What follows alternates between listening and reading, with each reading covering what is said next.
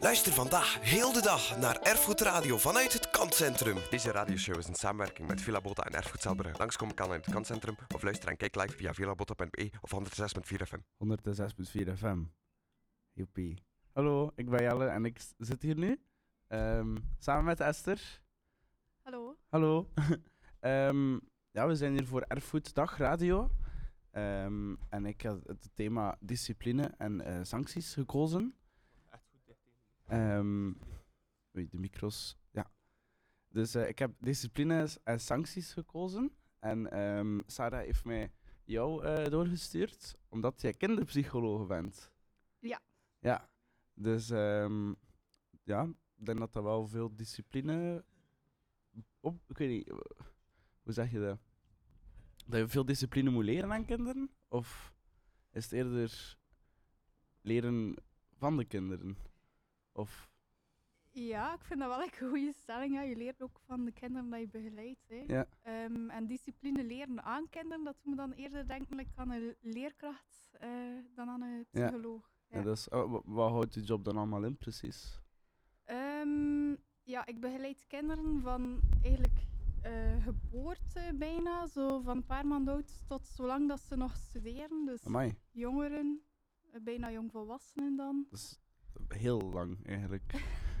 ik bedoel niet in de zin van hey, dat, ik, dat ik hetzelfde kind zo lang Nee, nee, nee, hopelijk nee. toch niet opvolg. Ehm, maar bedoel, wanneer dat je een aanmelding krijgt, dat is voor mij zo'n beetje het exclusiecriterium. Vanaf dat iemand werkt, dan verwijs ik liever door. Ja. Ehm, en zolang dat iemand nog studeert, dan mogen ze bij mij komen. En wa- wa- waar help je dan precies allemaal in? Ehm, goh, ik werk op verschillende plaatsen, hè, dus dat verschilt een beetje zo de aanmeldingskrachten. Ik werk eh, als zelfstandige en ehm, goh, dat kan gaan van eh, emotionele problemen, dus angst en depressie, Ja. en ook ontwikkelingsproblemen, autisme of ADHD. Amai, alles. Ehm, Ja. Bijna alles. Bijna alles, ja, ja. En dan voor een aantal dingen ik doorverwijzen naar collega's die meer gespecialiseerd zijn. Ja. Eh, of trauma en eetstoornissen, daar werk ik ook graag mee. Ja. En bij kleine kindjes, eh, omdat ik natuurlijk in nagedacht heb Mhm. van eh, rond straffen, ehm, dan doet dat me eerder denken aan zo opvoedingsvragen. Ja. Bij ouders en zo'n begeleiding heb ik ook wel. Ja. Of begeleidingen, ja. En je begeleidt dus niet like, in schooltaken of zo? Of in... Nee, nee. Nee, dus het is echt eh, ja, psycholoog dat je Ja. bent. Ja. Wauw, tof. Ehm Ehm, ja, nu moet ik op een vraag denken. Ah ja, sancties. Ehm goh.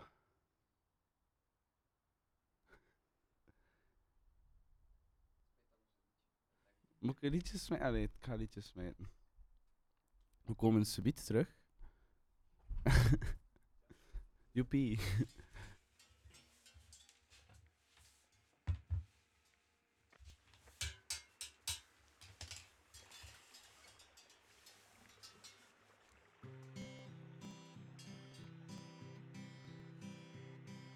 Sometimes I walk on the road thinking about nothing.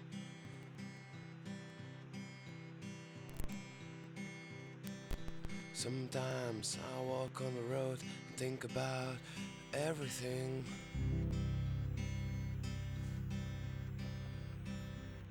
But my mind is clear, my mind is good when I'm walking.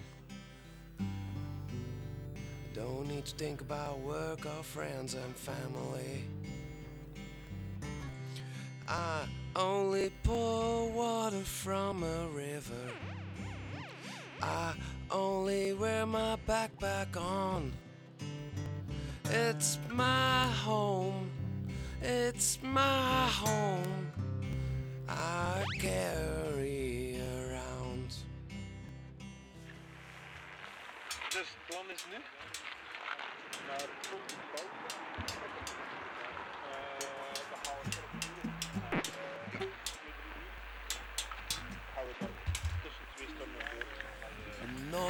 of my bottle. I love the gear the most. I always wear black because the colors around me are enough. Once I was horseback riding with my girlfriend in a hot sun on an island. I don't know, I forgot the name. I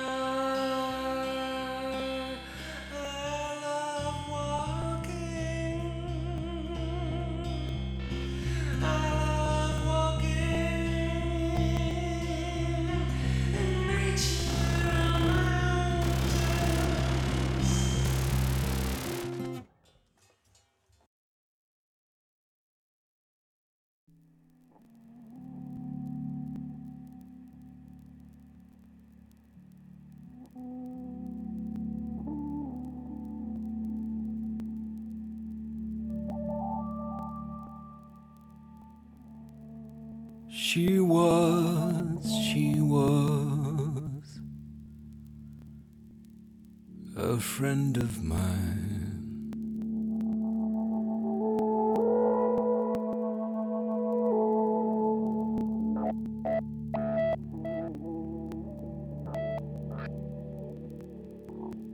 Do us a favor, your one and only warning.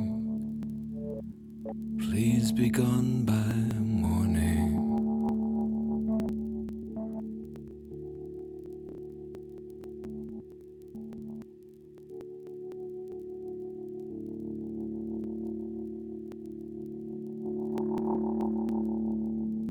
She was, she was a friend of mine.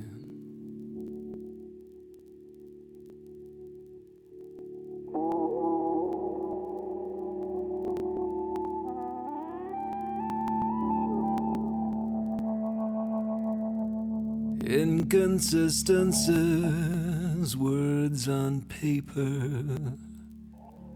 the track still warm. I came to hate her.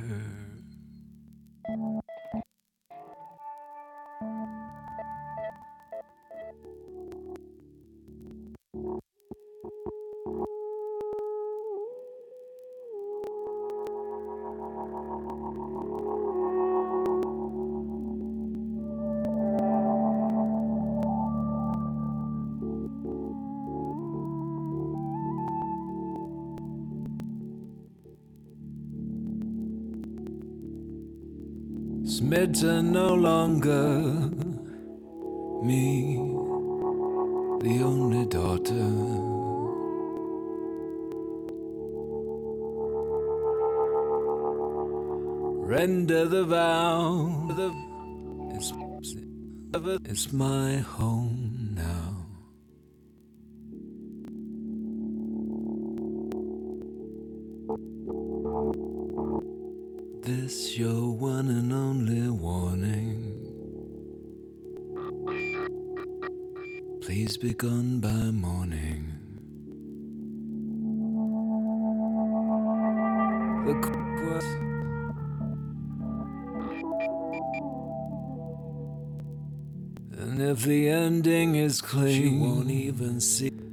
Quirk, the fuss, the Vaseline. She won't even see it coming.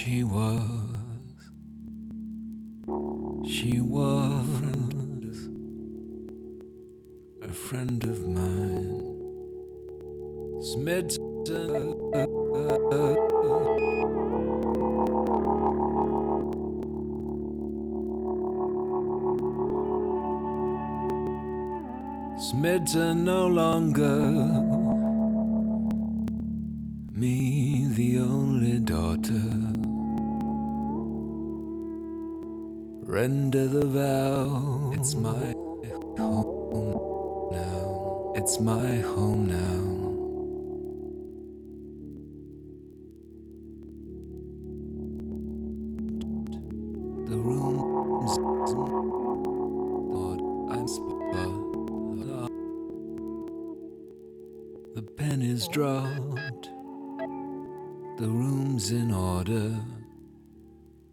I masked the spot. Me, the only daughter.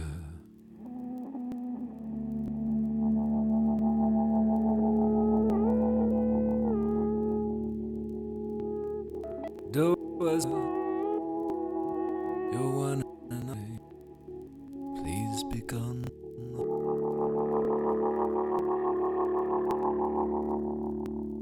us a favor. One and only warning. Please be gone by morning. Wauw. We hebben dit nummer al gedraaid. Ik had er niet op gelet, maar maakt niet uit. We zijn terug. En deze keer iets meer voorbereid. Ehm dag Esther. Welkom terug. Eh, oei, wacht. Het is twee. Denk dat ik de verkeerde... Zeg eens iets? Ja. Ah, oké, ja. Kom in. Oké. Dus, ehm, welke vorm van discipline of sancties werkt het beste volgens jou? Ehm, misschien, ik vind het wel belangrijk om zo, ehm alleen van mijn invalshoek dan, dat binnen de psychologie ook, hé, heb je, we spreken nu over discipline en Mhm. sancties. En naar mijn gevoel zijn dat twee verschillende dingen. Ja, tuurlijk. Ja. Ehm, dat je zo, want ik heb natuurlijk op voorhand, toen dat je mij had uitgenodigd om te komen, nagedacht, oké, straf, wat, wat is dat eigenlijk? En Mhm. misschien is dat zo binnen de psychologie een stukje anders dan dat je zo in de standaard manier van babbelen eh, over straf zou Ja, babbelen. ja. En hetzelfde discipline en sancties. Sancties doen mij al eerder denken aan zo, ehm, een bepaalde vorm van straf. Terwijl dat straf zou kunnen zijn, eh, ja, binnen de leerpsychologie dan, hé, heb je straf en beloning. En Ja. straf is eigenlijk iets dat je gaat toepassen om te maken dat een kind, maar ook een volwassene, maar ook een hond bijvoorbeeld. Mhm. Ik Ja, weet niet of dat je Pavlov kent met hé, dat, je, dat hij een belletje laat rinkelen of dat hij bepaalde dingen toepast bij Ah. dieren, zodat ze bepaald Weet gedrag dat het goed is of niet goed is om te ja, doen. ja.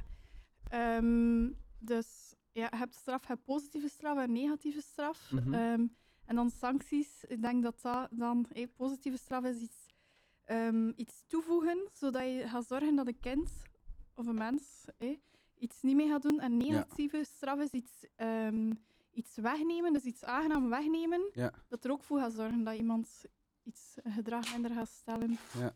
De sanctie is dan goh, misschien ehm, iets negatiefs toevoegen, eh, zodat iemand gedrag niet meer stelt.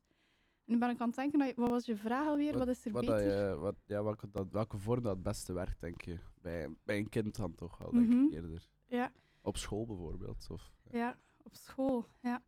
Ehm, nu, eigenlijk ben ik zelf, eh, voordat je like, zo gaat spreken van straf, zijn er nog heel veel dingen dat je kan doen voordat je straf effectief gaat toepassen.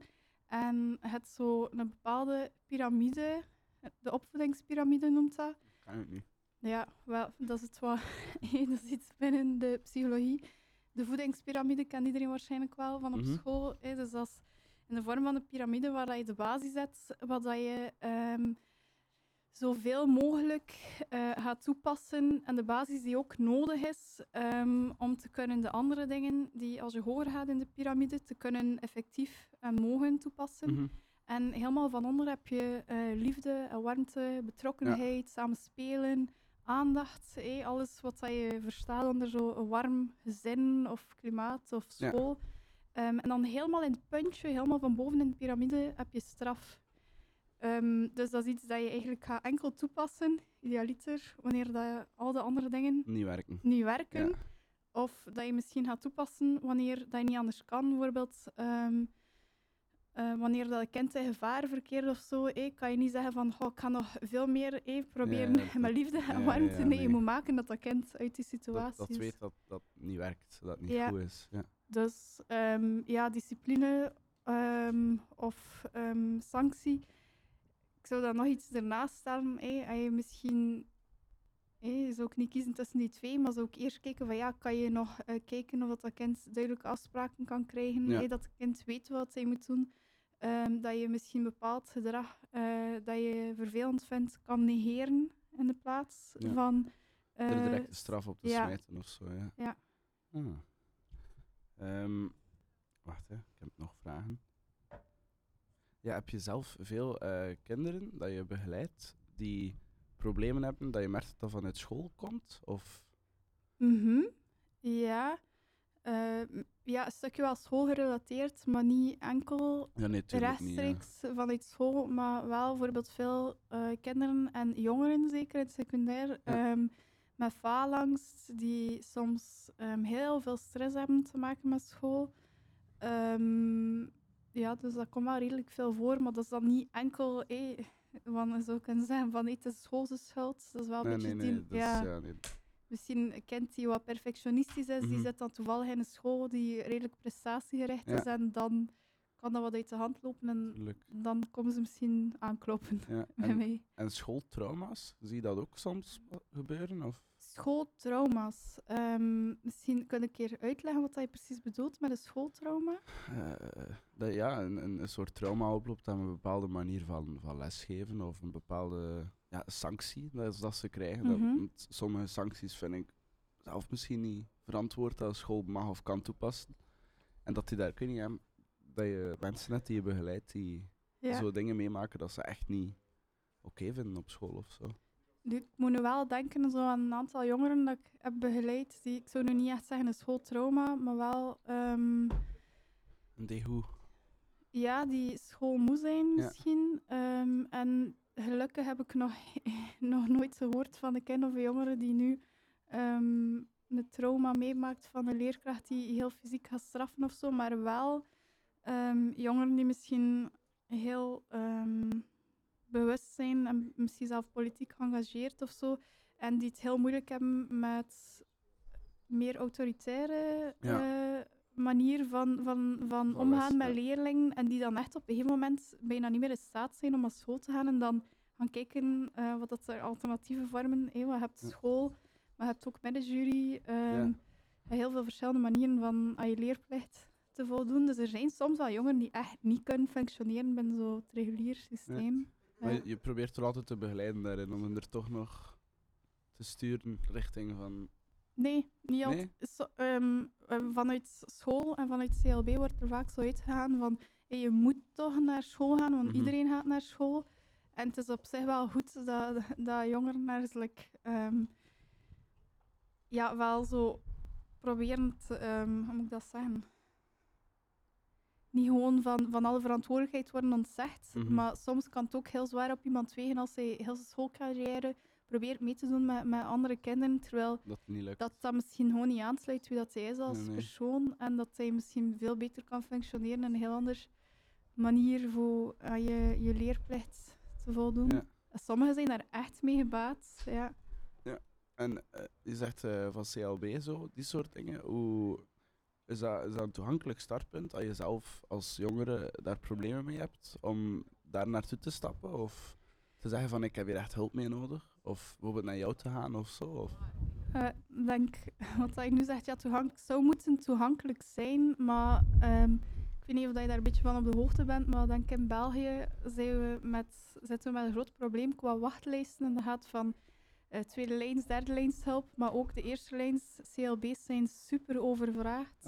Ehm, dus er zijn heel veel kinderen en jongeren die zouden al veel eerder moeten een CLB-traject hebben Mhm. ehm, gelopen hebben, maar die mensen in het CLB hebben zoveel werk en met corona hebben ze nog een keer Ja. de verantwoordelijkheid gekregen, zo de contact tracing en zo. Dus soms heb je echt dingen die heel lang blijven naslepen en dat die, nog, die kinderen nog niet gekend zijn door het CLB. Dus ja, in theorie is dat een heel goed systeem dat dat bestaat, maar in de praktijk En kom, krijgt niet iedereen de, eh, de hulp dat zijn zou er- moeten hebben. zijn er dan alternatieven daarop of niet? Op het CLB?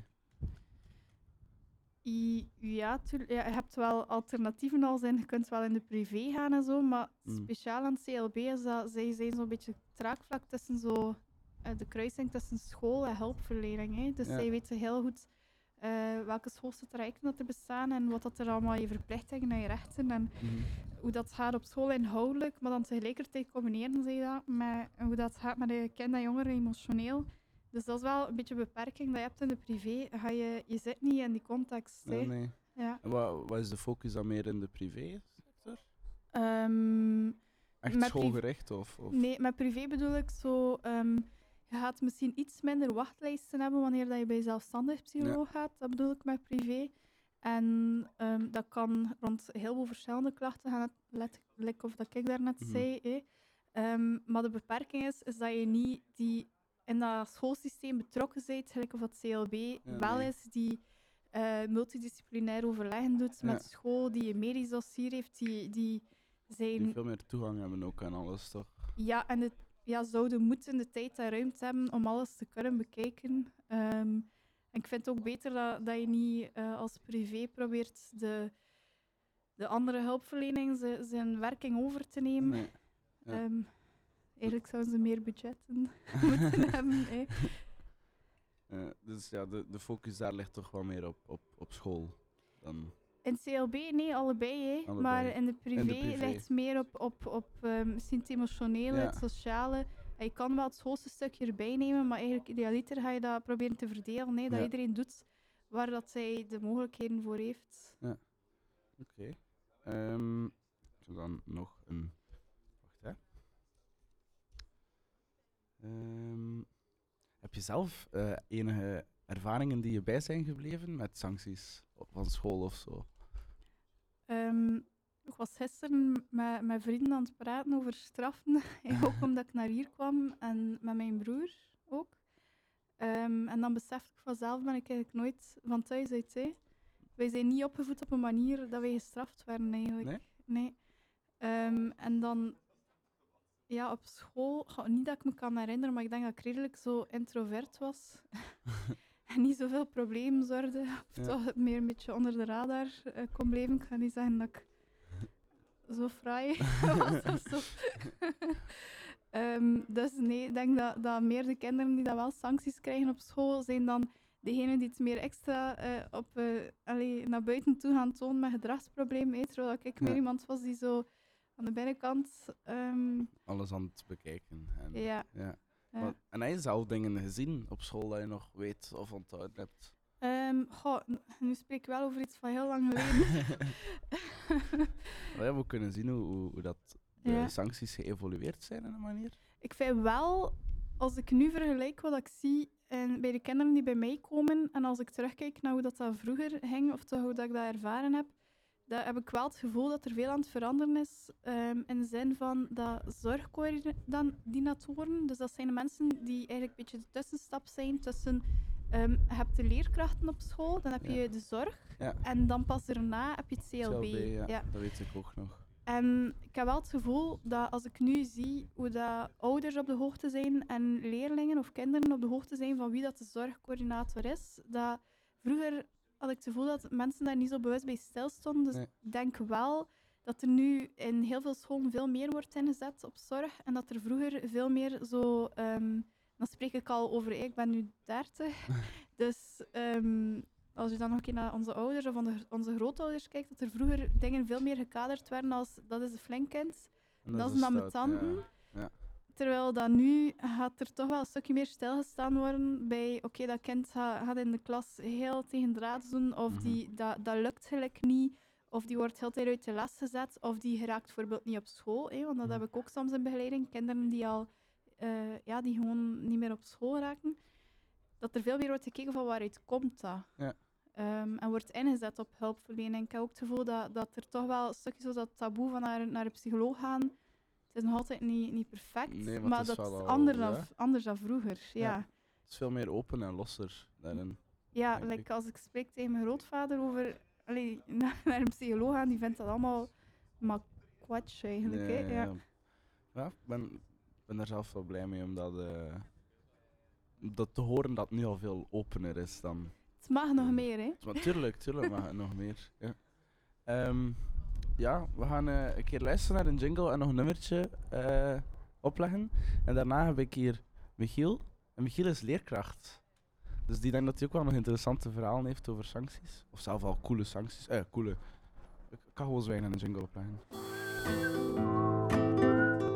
Ella, let een keer een beetje op. Ah, oei, sorry. Luister vandaag heel de dag naar Erfgoed Radio vanuit het Kantcentrum. Deze radioshow is een samenwerking met Villa Botta en Erfgoed Zelbrugge. Langskomen kan in het Kantcentrum of luister en kijk live via villabotta.be of 106.4 FM.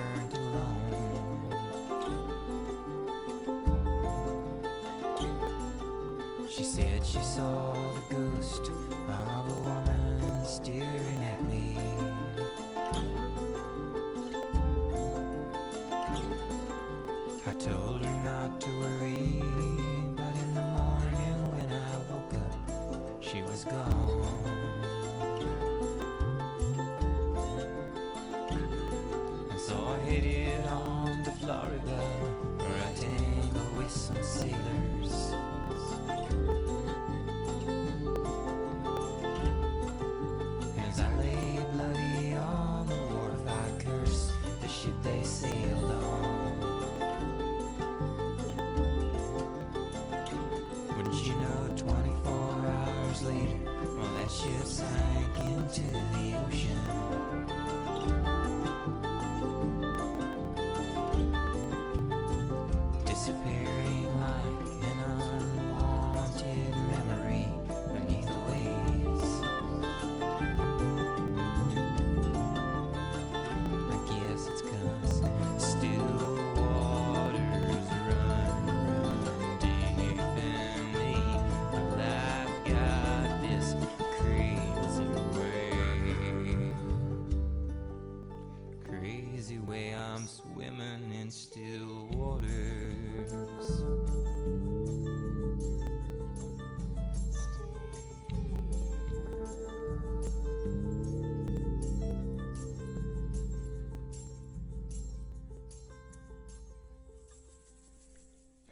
And woke up just before dawn by an old man crying in the rain.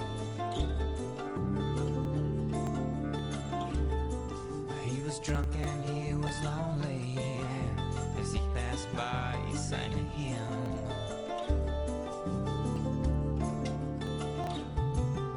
And as I lay there listening,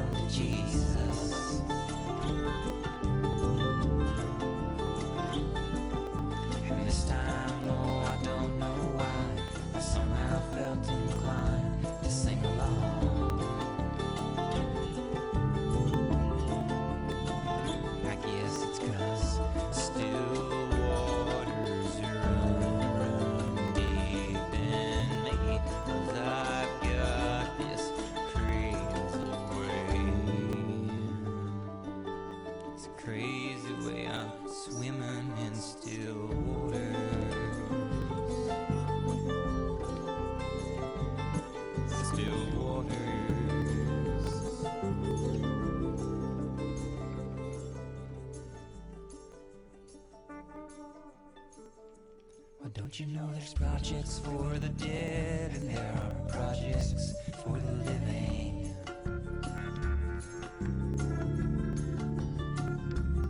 Though I must confess sometimes I get confused by that distinction.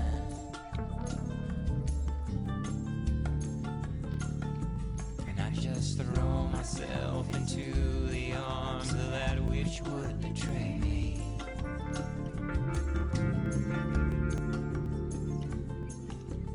Guess to see how far Providence will stoop down just to save me. Oké. Voilà, dat was het nummertje. en eh, ondertussen zit Rudy hier. Hallo, dag eh, Rudy. Je bent van het kanscentrum. Dag allemaal, ja, inderdaad. Ehm, wij, want wij, wij maken hier dus radio op het kanscentrum. Eh, maar wat is het dat precies, het kanscentrum? Het kanscentrum in Brugge is eh, eigenlijk de, een van de weinige, misschien zelfs de enige plaats eh, in Brugge waar er nog echt kant geklost wordt. Elke namiddag in een atelier. Meestal door dames, maar we hebben ook enkele heren die komen klossen. En we hebben ook een heel mooi kantmuseum waar het verhaal van de kant eigenlijk gedaan wordt. En eh, ik heb gehoord dat er vandaag ook iets te doen is in het, in het kanscentrum zelf. Wel, eh, we zijn een beetje, ja, misschien wel het eh, centrum van de erfgoedgebeurtenis in Brugge. Ja. Er wordt hier op de oude speelplaats radio gemaakt door jullie. Ja.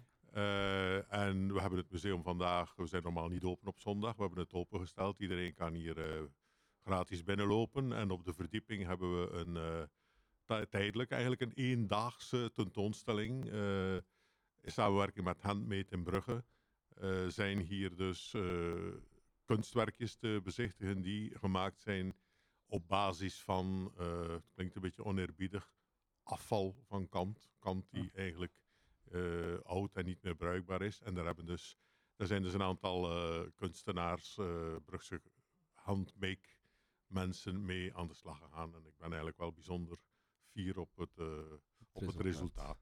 Tof. Huh?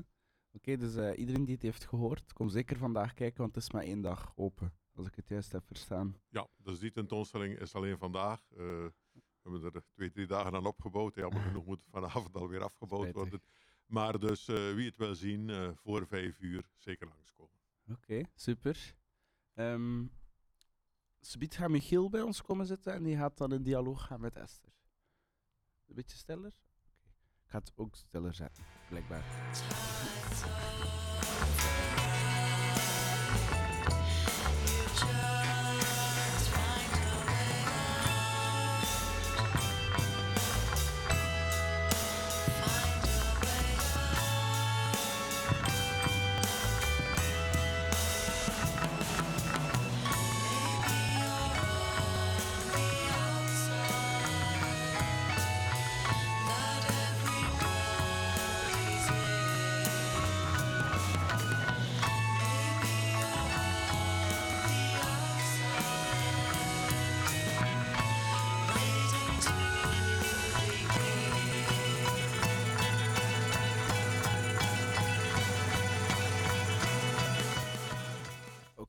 Joepie. Ondertussen is Michiel erbij komen zitten. Hallo. Hey, dag Michiel.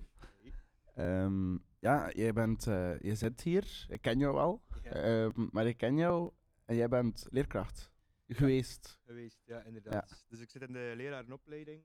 En ik heb eh, vorig trimester, dus van eind januari tot aan de paasvakantie, tot aan de paasvakantie, eh, een, een, een tijdelijke job gedaan als leerkracht wiskunde. Ja. Ja, en deed graag? Ja, zeker. Ja. Het is leuk, het is zwaar wel. eh, zeker om ja, de eerste ervaring als leerkracht. Het is altijd veel werk met lessen voorbereiden en zo. Min in corona ook nog een keer. Mm. Ehm, Wat dat gewoon heel veel administratie meebrengt. En heel veel eh, extra uren en zo. Met eh, ja, leerlingen die dan ziek zijn en dan bijles willen voor de toets. en dan bijles willen voordat ze een toets maken. Of dan ziek zijn op de dag van de toets en dan moet je een inhoudtoets maken. En dat is allemaal dingen dat er dan nog een keer bij komen bovenop. van het veel bij kijken. voorbereiden van al je, van al je lessen en zo. Ja. Maar het was wel leuk. Het was wel eh, Ja. toffe gasten ook als ze aan het luisteren zijn. Maar wel, als ze aan het luisteren zijn, heb je ooit, ehm, omdat ze niet aan het luisteren zijn, een sanctie moeten uitdelen of een straf? Eh, heb ik ooit echt moeten Niet echt. Eh, Nee? ik ben niet zo... Ik ben niet zo straffer eigenlijk. Ik ben meer iemand van boze blikken. dat, dat deed ook wel veel. Teleurgesteld. Teleurgestelde blik. Oef, Dat ja. ook echt veel. Als Dat zo, ja, het eerste dat ze deden was gewoon praten als ze niet mogen praten. Mm. En als ze dat dan blijven doen, ga ik een keer boos kijken. En als ik, altijd, als ik anders zo de, de vrolijke leerkracht ben en dan een keer 10 seconden in de ogen kijk en boos en dan... Ja, dat, Ja, dat, dat, wel dringt wel door. Ja, Mm. dus dat. En ehm, nooit een nota moeten uitschrijven of zo? Of? Nee, het is zo wat ene keer dat ik moest zo vervanging doen bij de tweedejaars eh van de leerkracht dat ziek was. Oh, daar, eh, ik weet niet veel gescheeld. Dat- Ik wou al, ik wou al echt zo straf geven, maar ik wist dan niet hoeveel bladzijden dat moest geven en al. Dus ik heb dan Mm. maar gewoon die 15 minuten uitgedaan en ik hoop dat ik daar niet meer moest terugkomen. Ehm, ja, Esther zit hier ook nog altijd. Ja. En jij zit hier nu ook. Ja. Eh dus omdat ik jullie graag een dialoog zou willen zetten. Heel goed. Ehm, want... Wat? hè? Ehm, ja, praat. ja, het is het weertje is, hè. Ik bedoel, praten over straffen. hè. Ja. Ja, wel omdat, wel, wat dat misschien wel interessant is als psycholoog, wel omdat mijn ja, filosofie daar rond is zo altijd geweest van vooral respect toon dat je er terugkrijgt. En op basis daarvan, dan ja, het straffen is soms niet te, niet te vermijden, maar dat is zo van die preventieve dingen waar het like, zo weinig over wordt gesproken. En ja, ik weet niet, ja, bij pubers is dat soms moeilijk, ik weet niet of dat je daar ehm, bijdrage over hebt. dat is zo'n beetje mijn filosofie daar rond, om gewoon altijd respectvol te zijn en hen er te, te, te motiveren, zodat ze je herkennen, zodat als je dan boos bent, dat ze het ook erg vinden dat je boos bent op, de, op hun. eh, Ja. Nu, ik was nu, met dat je zo was aan het vertellen van die, eh, van die strafschrijven en zo, aan het denken dat het verschil misschien wel een beetje is, dat zo vanuit mijn invalshoek, ehm, dat ik dan zo de relatie van het kind tot wie dat dan degene is die straf eh, heeft of die reageert op bepaald gedrag, zijn meestal zo de eh, primaire opvoedingsfiguren of hechtingsfiguren. En normaal gezien is dat niet een leerkracht, hopelijk is dat wel erg zijn.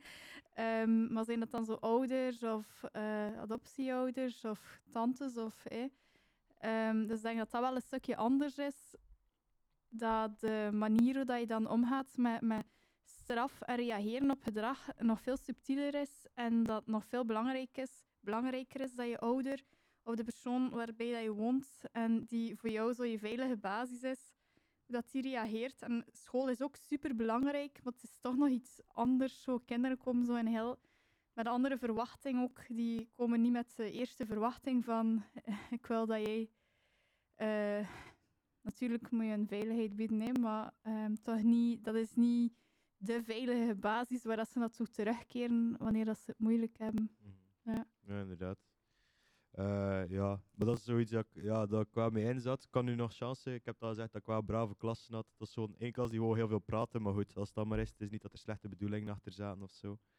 Ehm, Ik heb wel mega veel respect voor leerkrachten. Uh, ik heb zelf ook nog, zo in het begin dat ik werkte, eh, een beetje les gegeven. En voor mij was dat wel interessant, maar heel pittig. Want ik ga bijna altijd eh, met één op één werken, of misschien een keer met een gezin. Maar zo'n klas van 20 leerlingen, Ja, dat is wel zo. amai, en zo like, rustig blijven en niet je stem verheffen, of zelf al moet je je stem verheffen. Oh, en dan achteraf denk je van, ligt dat misschien niet altijd in lijn met wie dat je bent als zoals persoon? Ik weet niet of dat je dat herkent. ja, wel op mijn stage was het zo wel een keer dat ik zo... Ik moest zo eerst ehm, ja, hey, gaan kijken gewoon naar de les. En je zag aan die leerkracht echt zo hard wie dat ze leuk vond en wie niet. En zo, de eerste Mm. stageles dat ik had bijgekeken, dat was... Die, die kinderen zaten letterlijk nog niet eens op hun stoel en ze was er al op aan het troepen. dat was echt, die, die was echt heel de les aan het troepen op hun. En dan is zo'n andere klas waar het een beetje eh, ja, een kleinere klas, ook ja, van de Grieks-Latijn dan, dus bij de slimme kinderen die, die, die mee waren met de leerstof. Dat was dat super vriendelijk en super familiair tegen. Hij was daar echt aan het amuseren. Dat, is, dat was zo in die andere klas, waar ze op voorhand ook al overal zitten klagen. Het was zo echt heel tijd dat ik er zelf koppijn van kreeg, dat ik dacht van die gast moet niet toch hebben koppijn. vert- En die leerkracht ook. Eh, ja, je hebt er al zo die zo heel autoritair zijn. Hè, en die, maar ja, dat werkt niet. Hè, dat, Ja, dat ik heeft nooit gewerkt en nu is dat gewoon duidelijk dat dat niet werkt. Ja, ik denk bij ouders dat dat ook is. Hè, wanneer dat je zo, like daarnet had ik stukjes over verteld van die piramide, denk ik, en zo helemaal bovenaan dat straf staat en zo, eh, zo, ja, misschien dat je roepen als ook wel, zo, wel niet echt een ideale vorm, maar daarbij kan plaatsen. Wat ik denk, is dat wanneer dat je zo hetgene wat dat je normaal gezien moet heel, heel uitzonderlijk doen, ehm, voor verschillende redenen, maar een van de redenen is ook, als je dat te veel toepast, dat dat gewoon geen effect meer heeft. Ja. En daarbij ook dat je als leerkracht waarschijnlijk heel uitgeput bent aan het einde van de dag. De meeste mensen roepen niet graag, hè? Nee, hoop ik. Ja, Ja. En als je blijft roepen, dan, dan, dan, dan had dat ook geen effect niet meer. Hè, hè. Dus En je daarom- stem meer ook. Ja, en dan zeker ook als je dan bossy geweest, bijvoorbeeld, daarna ook gewoon weer chill doen tegen hun. Zoals Ja. dat gewoon op dat moment, maar dan is, moet dat ook afgesloten zijn. Dan moet je ook gewoon weer Ja. vriendelijk kunnen doen tegen hun en doen alsof er niets gebeurd is, zo gezegd. Ja. Eh, ja, ik denk dat dat het belangrijkste is om hen er in de hand te houden. En in Ja. de- heb- heb je in de leraarkamer nooit niet iets meegepakt van andere klassen die wel... eh, Eh, maar goh, de school waar ik stond, in eh, het MAST, eh, is vroeger Immaculata, Mm. was eigenlijk wel een heel goede school. Eh, zo ook in de leraarskamer, dat was echt, dat zat echt goed. Dus er werd daar niet veel, gek- allee, het werd wel geklaagd natuurlijk, en, en, maar dat was zo meer in een ding van zorgen maar en van oei, had dat gelijk niet goed, of oei, de die is nu gelijk zo, allee, waarom let ze nu niet op? En vroeger was dat ze brave en nu niet.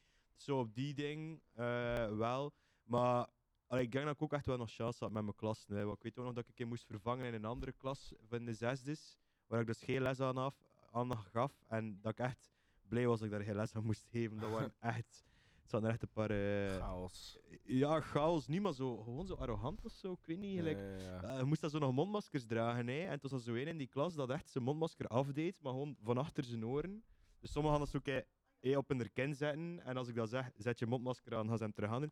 En volledig af, ik ga er naartoe. Ik zeg, hé, hey, doe, doe ik je mondmasker aan. Mm. Je zet hem aan, ik draai me om, ik ga naar mijn bank, draai me weer weer om en het is alweer af. Ja. Dus ja, en oh, dat ik echt zo dacht van, fuck, moest ik hier al les aan... Maar ja, ze kennen me ook niet dan, en dan gaan ze misschien minder luisteren. Ehm, maar ja, van, van die leraarskamer, eh, dat is ook wel, voor mij is het ook wel heel belangrijk dat de sfeer is in de leraarskamer. Omdat, eh, ik heb ook echt stagescholen gehad waar ik dat echt geen goede sfeer vond, waar dat er gewoon echt alleen maar werd gebitcht over de kinderen, over Oh, de leerlingen. En waar het er gewoon niets goed over. Like, ik heb daar dan ook zo'n klassenraad meegevoerd. Ik denk echt niet dat er daar iets positiefs is gezegd geweest over de leerlingen. Dat is gewoon een roddeluurtje voor een... Ja, dat was echt. ja. En zelf, zelf een beetje stoefuurtje van kijk wat ik heb gezegd tegen een leerling. Dat is wel Oei. spijtig. Ja, dat was wel echt. Eh, foute ingesteldheid. Inderdaad, was zo achteraf zijn ze het van ja, hey, als je wil, eh, kan je volgend jaar eh, komen, hey, mag je dat komen solliciteren? En dat ik zo mezelf dacht van nee. Liever niet. liever niet. Dan ga ik wel liever naar de school dat er een beetje beter. Waar dat ik niet op een, op een, eh, op een, op een klassenraad als zo de enige ben die zegt van zouden we ook niet een keer iets goeds zeggen over Rinder of zo. Want Dat is ook belangrijk. Alleen maar negatieve dingen zegt, ga je alleen maar negatieve Ja, ja, dingen dat is blijven zeggen. hè. Ik vind dat wel een chapeau dat je als wanneer dat je stage loopt, dat je daar zo tegen die cultuur. eh, Ja, ik heb, daar, ik heb daar op het moment uiteraard niet in gegaan, maar ik heb dat inderdaad wel zo geanalyseerd en ook zo in mijn verslag wel gezet van, allee, ik vond dat echt een goede, goede sfeer. school. Dus Ik vind dat wel een positief verzet wanneer dat je ehm, dan tegen de cultuur in gaat, toch een beetje, door dat wel iets positiefs te zeggen. Dus, Ja, Ja. dus ja, ja, ik vind dat, ik vind dat wel belangrijk. Ik bedoel, zij op klassenraden ga je natuurlijk vooral hebben over de leerlingen waar het een probleem mee zijn. En dan is het heel makkelijk om negatieve te dingen zeggen. Maar als je over hen er niks positiefs gaat zeggen, ja, dat, dat, dat, is, dus- dat is een vicious circle. hè. En misschien wat dat je daarnet zei van eh, die school waar dat je werkte, dat, dat, is- dat het belangrijk is voor te kijken naar wat, oké, maar wat is de functie like, van, van dat kind zijn gedrag? Wat, hoe komt dat? En is dit het verschil met vroeger en van waar komt dat? Want zelf, zelf wat dat je zei van die jongeren die dat zijn mondmasker niet wil opzetten, zo, oké, maar hoe komt dat eigenlijk? Ja. Like, wat maakt dat dat like, belangrijk is om dat dan te tonen ehm, aan jou van, ik ga dat niet doen? Ja, ik denk dat dat op dat moment gewoon is. Ja, niemand draagt graag een mondmasker. En dat hij dacht van hier, die temp hier. eh, Mhm. eh, ik ken die gast niet, die is hier straks weg. Wat moet ik naar hem gaan luisteren? Wat gaat hij doen? Ja, Ja. In de derde graad veel straf krijg je niet. Hè. Ik bedoel, allee, in de meeste scholen, vanaf dat je in de derde graad zit, kan je wel een beetje meer permitteren. En als je gewoon minder snel straf geeft, dan kan je daar ook geen straf voor geven. Bedoel, ach, kan dat dan, ook, want dan moet ik dat zelf ook weer opvolgen en zo. En als het indienen en als ze dat niet doen, dan zeggen. Ik ken, ken niet eens die jongen zijn naam, dus ja. Kom veel beter kijken. ja, dat wel. Ehm ik stel voor dat we nog een nummertje luisteren. Ja. Oké.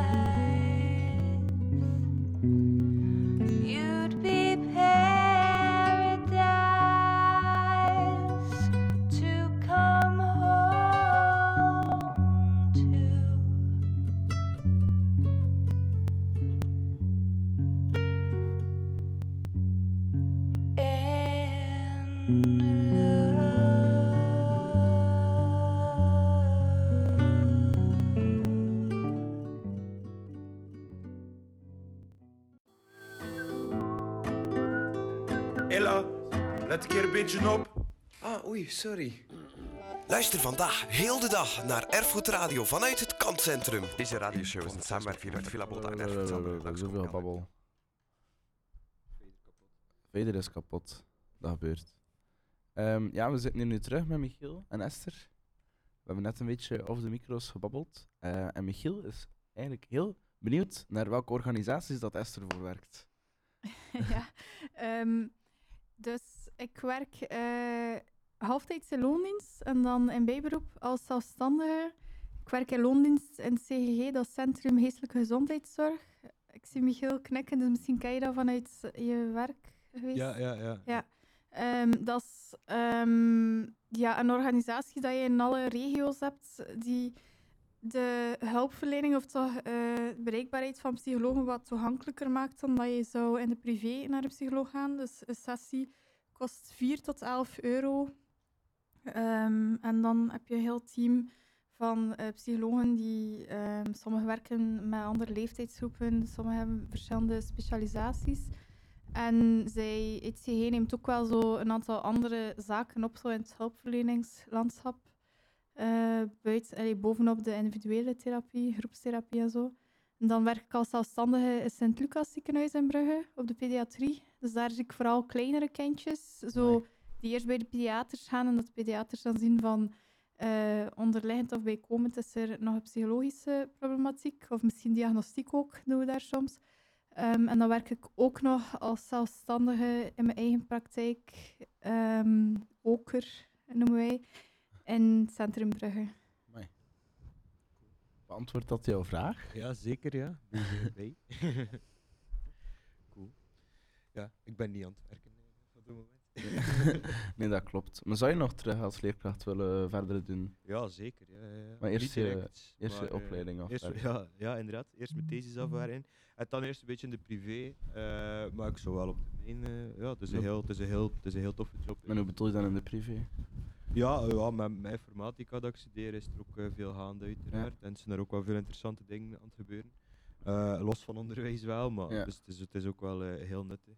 Maar op termijn zeker, ja. Maar ik vind ook dat je als... Allee, dat hoeft niet per se, maar ik vind wel een meerwaarde dat je als leerkracht toch wel in de privé hebt te staan. Ja. Dat je zo niet gewoon van de schoolbanken terug naar de schoolbanken gaat. Ja, nee, dat is. Dat het een beetje afwisseling is. ja, het is dat, hè, want dan heb je, zo, dan heb je ook zoveel leerkrachten die dan alles op school hebben geleerd en dat dan zo leren, maar eigenlijk ja, in de Eigenlijk privé dan. Of, of ze zijn dan mega oud. Zeker in informatica. Ik heb nog een stagebegeleider gehad die, ja, dus die, die wist niet welke nieuwe technologieën dat er waren. hè. Die, die, die programmeren nog in PHP. Ja, dat is iets dat redelijk achterhaald is. Ja. Eh, er wordt wel nog veel gebruikt, maar, ehm, maar die kende dan, ja, als ik dan zij, ja, voor, de, voor de nerds onder ons die, die, die weten wat ik aan het zeggen ben. Als ik dan voor Node.js zeg bijvoorbeeld, dan, dan, dan, dan weet je niet wat dat betekent. Terwijl dat eigenlijk ja, volgens mij een van de meest gebruikte technologieën is nu voor de websites te maken. Klopt dat? Waar, hè? Web, eh, webapplicaties. Waar is naar de rommel wordt, verdikken. Maar Warren maakt ook websites, dus ik denk dat Ja. die wel kon... eh, Ja, ja, ja, dat wordt veel gebruikt in Node.js. Ehm en eh, maar je zo dan, ja, ze dat- dat met dat niet, paars vier... dat? Ja, inderdaad. Ja, ja, ja, inderdaad. Hela. Ehm, en je ziet dat dan als je dat dan niet kent. Ehm, en daarom vind ik wel, ja, ook wel zeker omdat, ja, waarmee dat ik bezig ben, is nu ook redelijk aan het boomen. Dus het is ook gewoon een goed moment om, eh, Ja. om dat te doen. Maar ja, dat staat, dat staat los van onderwijs wel. Ehm, dus ja, ik zou, dat, ik zou dat zeker wel nog doen. Dus het, is, het, is, het is echt een leuke job hoor. Ehm, ik heb het ook gelijk bijvoorbeeld, ik doe nu nog stage. Eh, ik moest nog vijf uur stage doen. En ik doe dat dan op school waar ik heb gewerkt. Ik had dan nu vorige week, eh wacht, nee, vandaag is weer zondag, dus vrijdag had ik eh, twee uur stage bij de vierde staan. En ja, dat was zo in het stemlokaal. En, en we waren wel aan het opruimen. En er stonden zo'n paar ja, leerlingen, waar dan ik les aan gegeven van de zesde, stonden zo eruit de zo te zwaaien. en zo een keer terugzwaaien. Dat Dat is cool, ja, als je dat Ja. tegenkomt. En, of als je, ja, als je, als je bijvoorbeeld gewoon zoiets stoms zegt van, eh, je toont iets aan. En dan zeg je van, allee dat is toch mooi. En, zo, en ze bevestigen dat, dat is, dat is, dat is leuk. Ja, Ja, dat is je- tof. als ze toch zeggen van, ah ja, eigenlijk wel. Also, ja, dat, is, dat is wel leuk. eh. Maar het is wel veel, het is echt veel werk, zeker als beginnende leerkracht. Maar eigenlijk zelf ook als je, als je blijft, eh, heb dat, ja, want er wordt zo vaak gezegd van, ja, leraren werken maar zoveel uur en, en dit en dat. Mhm. Maar ehm, allee, ja, ik denk dat iedereen het er wel mee eens is dat beginnende leerkracht meer dan 38 uur in de week werkt. Dat is, dat is los. Ja, zeker 40 had zeker eh, nodig om dat allemaal voor te bereiden en al. En dan ja, is natuurlijk aan jou als leerkracht om te kijken, blijf ik bij wat ik heb? Of, of verander ik mijn lesmateriaal? Hè? En dan heb je wel leerkrachten die eh, minimum effort doen en die dan inderdaad eh, misschien in een week 30 uur gaan gewerkt hebben of zo. Eh, ja, zo heb je er, maar weet je, je hebt ook veel van die bullshit jobs of van die, van die ehm, eh, ja, zo bureaucratische jobs, zodat er volgens mij ook superveel werknemers zijn die de helft van de dag gewoon een beetje op Facebook aan het scrollen zijn. Ja, ja, ja. Maar ja, dat, dat, dat, ja dat, dat, die worden dan voor 38 uur betaald, of 36, die hebben dan zogezegd zoveel uur gewerkt, maar eigenlijk... En dan heb je, ja, hebt dat in de sector hè. Je hebt dat in de sector hè. Je hebt ook in de sector dat je machtsmisbruik, ja, dus dat is echt ja, autoritaire leerkrachten, ja. Dat, Dat dat heb ik, overal, hè. dat heb ik zelf nu wel niet echt denken aan mijn sector. Bij ons is dat wel een beetje Ja, nee, inderdaad. Ja, dat, is, dat is wel waar. Eh, je, hebt, je hebt zeker sectoren waar dat je niet anders kan dan keihard werken. Nee, bijvoorbeeld, ja, misschien inderdaad psycholo psychologen en, en zelfstandigen in het algemeen. Ja, ja, kun je verder niet anders. hè. Horeca bijvoorbeeld is ook zo'n sector. Ja, kun je niet anders dan hard Werk, werken. kan je werk, werk. Maar je hebt echt wel veel sectoren waar dat er ook gewoon een beetje met de vingers wordt gedraaid. En ja, dan wordt er altijd gekeken naar leerkrachten. Maar like, ja, die adjunct zei dat ook van ja, hey, in het begin is het veel werk. We zeggen ze ja, maar eigenlijk stopt dat niet. Eh, school is ook veel meer aan lesgeven. Hè. Dat is ook sportdagen, schooluitstappen en al, voorbereiden, de omkadering, bijsprongen, ehm oudercontacten en al die dingen. Allee, ja, dat, is- dat komt er ook allemaal bij. Hè. Heb jij Eh, ooit een sanctie gekregen als leerkracht? Sanctie als leerkracht? Of gebeurt dat? Ja, dat, dat kan wel, hè, ja, als je echt inappropriate ding doet. Maar ik heb nooit echt iets, iets heel fouts gedaan als leerkracht. Ik heb nee. natuurlijk wel een beetje de beginnersfouten gemaakt. Maar eh, een sanctie op zich niet. Nee, nee. Nee, maar dat, dat, het kan wel. Dat dat leerkrachten, Ja, eh, zeker, ja. eh, ja, er zijn genoeg eh, voorbeelden van leerkrachten die bijvoorbeeld een relatie hebben met de leerling. Ja, die Ja, worden nee, ja. vaak op staande voet ontslaan. Niet altijd terecht, maar eh, ja, allee, dat is natuurlijk niet Dat zo goed idee om done. als leerkracht een eh, relatie aan te gaan met je Nee, leerling. nee, nee, niet. dat, ga ik, dat ga ik zeker niet zijn. Hm. Ehm, Daarnet sprak je van een soort macht- machtsmisbruik soms. Ik denk, ik heb dat wel gemerkt in mijn school waar ik vroeger zat. Ik ga die niet bij naam noemen. Nu ben ik wel heel nieuwsgierig. Ehm, wij hadden eh, ook leerkrachten die soms ook echt gewoon een, een voeten er soms eens aan veegden. En dat we zoiets hadden van, oh, wat zeg jij hier allemaal? Dat is wel not done. Ehm, die beweerden bijvoorbeeld dat depressie allemaal in je hoofd zit en dat dat niet echt is en dat je daar niets moet van aantrekken. En wij als klas waren zo van, oh, eh, eh, ehm, dat klopt eigenlijk niet, maar oké. En dan zijn we dat gaan zeggen tegen de directeur, van ja, we willen er wel graag een keer over spreken.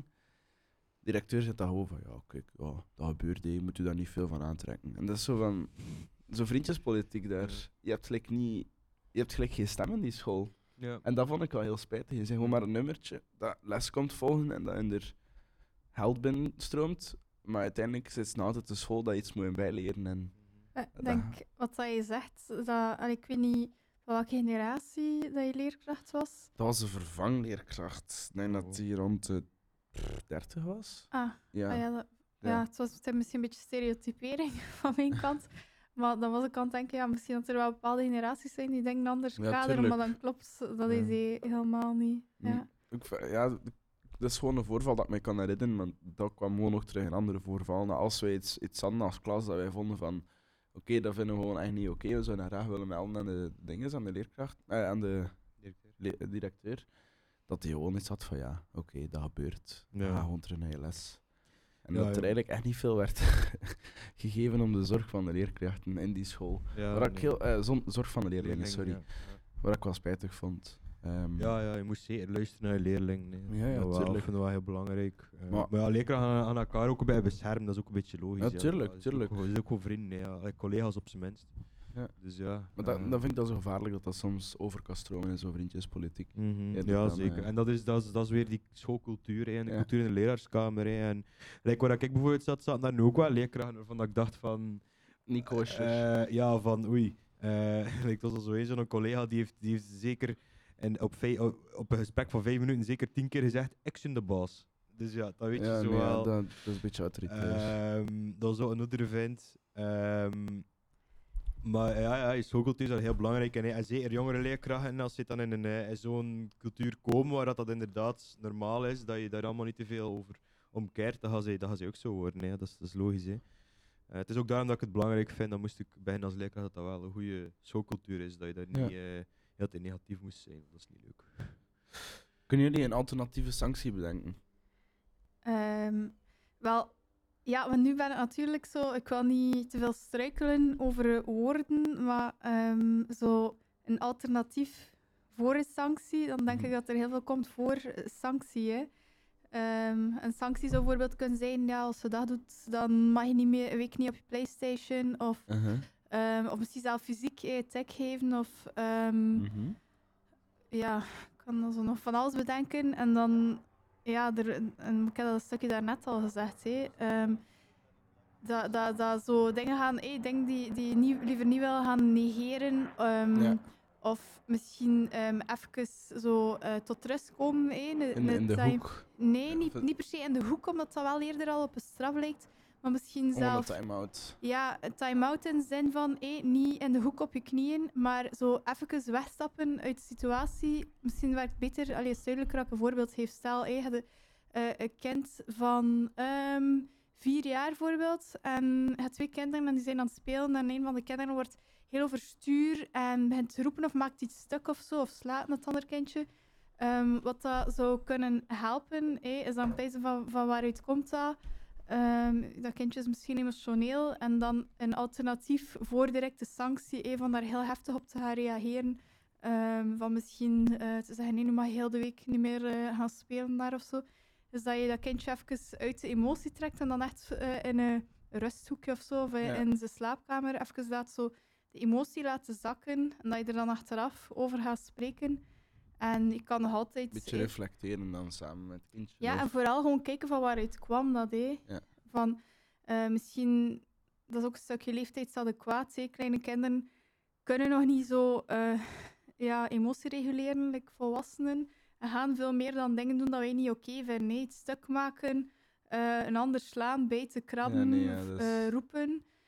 En dan moet je als opvoedingsfiguur dat kind ondersteunen in van ik ga je even helpen met die emotie te laten zakken. Ja. En een kind gaat daar veel meer uit leren dan een sanctie. Want ik denk het probleem met sancties is dat je... Je toont vooral wat er niet mag, wat dat je niet wil, maar veel minder wat, wat dat er dan Wat wel er verwacht wel wordt. Ja. wordt. Ja, ja. En in feite, of van leer je daar niet veel uit. Hè. Je leert alleen dat je ouder kwaad is. ja, dat is waar. Ja, het grootste probleem daarmee is dat dat natuurlijk veel meer werk is en veel meer moeite vergt. Hè. Ehm, En ook als ouder, hè, om jezelf te reguleren. Eh, zo, ik weet wel dat het allemaal in theorie is dat heel mooi, maar veel ouders en leerkrachten in die lijn ook ehm, hebben een drukke job, hebben een eigen leven, zijn misschien soms ook wel gestrest. En ook ik weet wel in de theorie wat dat je allemaal idealiter zou doen, maar ik heb ook soms momenten dat ik zo een keer uit mijn vel schiet en dan denk ik, oei, eh hey, ik heb zelf ook een dochter van oei, ik zou dat toch eigenlijk liever anders gedaan hebben. Het is niet omdat je dat allemaal weet in theorie, dat je dan zo de perfecte ouder moet of kan Mhm. zijn, of de perfecte leerkracht. eh, omdat je ook net like je kind is een mens, maar je zit ook een mens. Hè. Ja, natuurlijk. Ja. Want ik, ik heb bijvoorbeeld, eh, toen ik leider was in de KSA, had ik ook zo op een moment zo'n gastje die zo hypersensitief was. hè. Dus zo, alles wat dat fout loopt is een aanval op hem, is een persoonlijke aanval. hè. Die kon heel snel flippen en, en, en agressief worden. En dan ik ook vaak met hem aan de kant gezeten en hem echt gezegd van kijk, ja, dat, dit was fout, je had het zo moeten doen.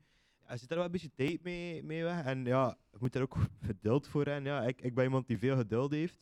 Eh, dus dat is een heel goede eigenschap als leerkracht. Als geduld hebt, moet je echt geen leerkracht worden. Echt niet. Ehm dat moet je echt hebben, geduld.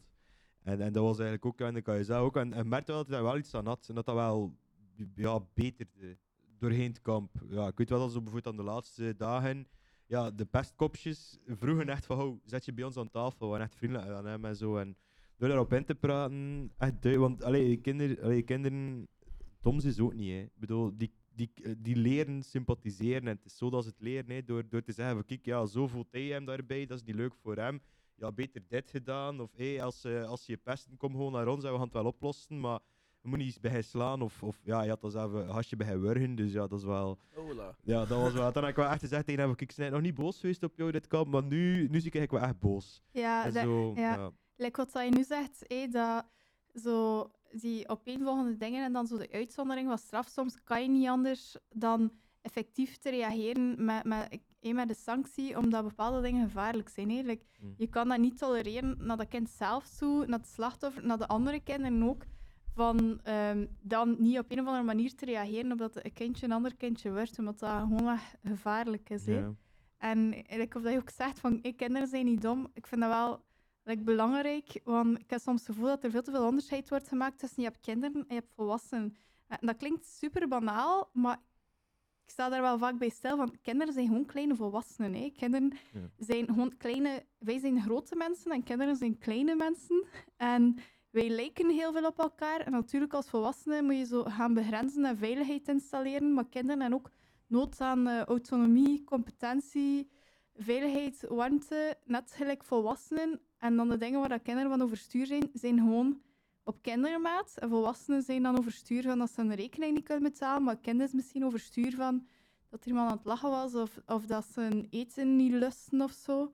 En die zijn echt overstuur, hè. En zijn daar niet bij geholpen als we als volwassenen dat, dat gaan minimaliseren. Ja, inderdaad. Ja. Je hebt zo eh, een comedy show van eh, Donald Glover, eh, a.k.a. Charles Ja. Gambino, Ja. waar dat hij zo, ja, dat stukje over, dat hij bezig is over kinderen, dat hij zo zegt van ja, hey, eh, mensen zijn altijd aan, aan, aan het zagen over eh, gewelddadige spelletjes, hey, en dat is slecht voor de kinderen. En dat hij zegt van ja, kinderen zijn echt eh rotzakken. Eh, naar elkaar toe, want die kunnen nog niet sympathiseren. Dat is wat je leert doorheen die kinderjaren, om te sympathiseren met andere mensen, om je in de schoenen van iemand anders te plaatsen. En dat is echt wat ze aan het leren zijn. Tot in, tot in middelbaar, tot in de hogeschool, tot eh, als werkenmens eh, blijf je dat, dat is ook iets dat je blijft leren, nieuwe situaties waarin dat je probeert te, te, te, die, ja, te herkennen en te sympathiseren. En de een kan dat vlotter dan de ander. Nee. Toch, er is wel zo'n stukje zo onderzoek dat dat wel... Allee, ik hou echt van Donald Glover, dat is een mega eh multitalent. Ja. Ja. Maar er is wel een stukje onderzoek dat dat wat tegenspreekt, dat, dat eh, sympathiseren en zo sociaal aangepast gedrag, dat dat aangeleerd is. Want zelf bij heel kleine kinderen van bijvoorbeeld een jaar oud, zie je dat, dat ze altruïstisch gedrag gaan stellen zonder dat er daar een beloning op volgt. Bijvoorbeeld, ze, zo met die, met, die, met die driehoek en die cirkel en dat ze hem zo van de berg duwt en dan helpt? Mm, je ja, bijvoorbeeld, ja. Ja, dan Ehm, moet je kiezen wat en dat is de leukste vonden Ja, de of bijvoorbeeld zo ehm, bij dus kinderen van denk een jaar of zo oud, dat je als volwassene ehm, je laat iets op de grond vallen en je probeert te doen alsof dat je daar niet aan kan, dan dat een kind uit zichzelf gaat willen helpen. Gewoon puur niet voor een ex- extrinsieke beloning, maar intrinsiek, omdat dat in de mens ingebakken zit van wij na- goed zijn voor andere mensen. Sociale willen andere mensen helpen. Op de kleine uitzondering na van mensen met bepaalde persoonlijkheidsproblematieken. Maar ik denk dat dat wel goed is om dat in je achterhoofd te houden, dat al die straffen, en daaraan hangt er ook vast, als je straft, dan ga je ook belonen. Hè? Ja. Dat, ehm, Dat is ook dat, een beetje tegen de natuur van, van de mens is spreekt. Of misschien dat je misschien minder geloof hebt dan zo in die intrinsieke natuur van de mensen. Kind wil zijn ouder pleasen. En eigenlijk kinderen willen ook heel vaak leerkrachten pleasen. Hè? Ja, ja, dat is wel, ja. Zelf degene die heel je klas pet. op... Ja, ja, maar zelf degene die heel je klas op, op stel te zetten. eh, voor hen is dat ook niet fijn of zo in hun ontwikkeling. Dat ze dan iedere keer worden als ambetant worden gezien. En ze dragen dat ook een stukje mee. Dat, dat de leerkracht heel tijd moet roepen. En dat ze buiten worden gezet. En... ehm, Ja, inderdaad. Ja, ja. belonen is ook. Like, ik herinner me zo nog iets van op mijn stage ook. Eh, mijn stagebegeleider toen, dat was eh geen al de beste leerkracht. Ehm, en die was vooral, wat ik vooral echt niet af kon aan hem, was dat hij eh, heel sarcastisch was naar de leerling toe. Heel, ja, als het dan niet lukt, oeh, allee, dat is toch niet zo moeilijk. En kijk, ik doe Beetje dat. En nu- denigrerend, Ja, inderdaad, denigrerend. En, en, en die kinderen, die gasten waren bang om, soms om vragen te stellen. En ik zie dat gewoon veel positiever. En ik weet dat nog op een moment dat er een meisje uit die klas een vraag stelde. Ja, waaruit dat heel duidelijk bleek dat ze er niks van snapte. Echt niks.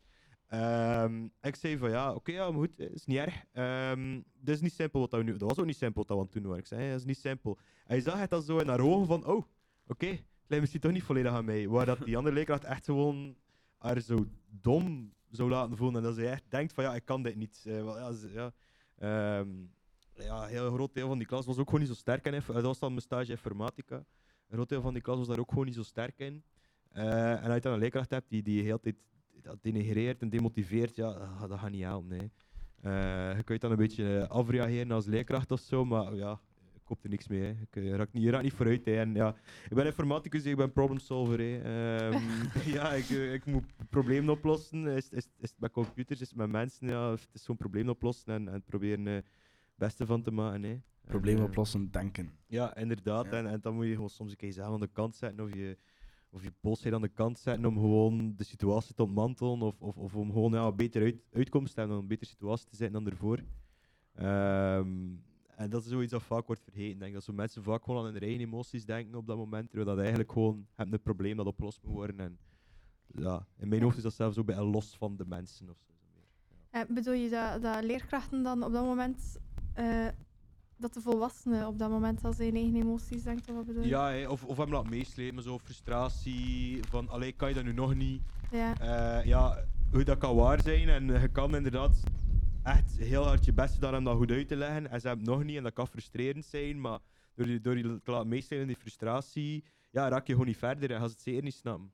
En ja, dan heb je de keuze om, om jezelf een keer eh, te ventileren op dat moment, wat dat ja, niet per se altijd een slecht, slecht idee is. Ik bedoel, kijk, ik, ik heb ook momenten gehad dat, dat er dan een leerling een vraag stelt en dat ik hem begin te beantwoorden. En ik heb, ik heb mijn nog niet, ik eerste zin nog niet afgemaakt of ze zijn al onder, onderling aan het praten. De leerling die de vraag stelt, begint dan met zijn buurt te praten. Dat je zoiets zegt van, maar ja, allee, als je een vraag stelt, luistert dan ook wel naar het antwoord. En dan kun je wel een keer boos zijn als dat veel gebeurt en kun je frustratie uiten, maar je moet wel je moment daarop kiezen. En op sommige momenten is het wel, wel beter om dat aan de kant te zetten en gewoon te proberen hem te laten begrijpen wat de eerste, tweede, derde keer is. Goed, ja, kan zijn dat ze dat niet zo snel mee weg een keer op een andere manier proberen uit te leggen, een keer vragen om over de middag langs te komen of zo. Zo'n ding, nee. Ja, ik denk dat dat wel belangrijk is, wat je zegt. Wel, ik ben nu allee, meer aan het pijzen dan aan, eh, aan ouders hè, en ouders hun eigen emoties. Dat ook like als volwassene, als jij als leerkracht dan, of als ouder, dat je, je ook al weet je wat, dat, wat, dat wat het beste is voor je kind en wat dat je kind dan nodig heeft. En misschien weet je zelf wat dat de functie is van, van zijn vervelend gedrag of zo. Eh, net, hij zei ook als volwassene een mens.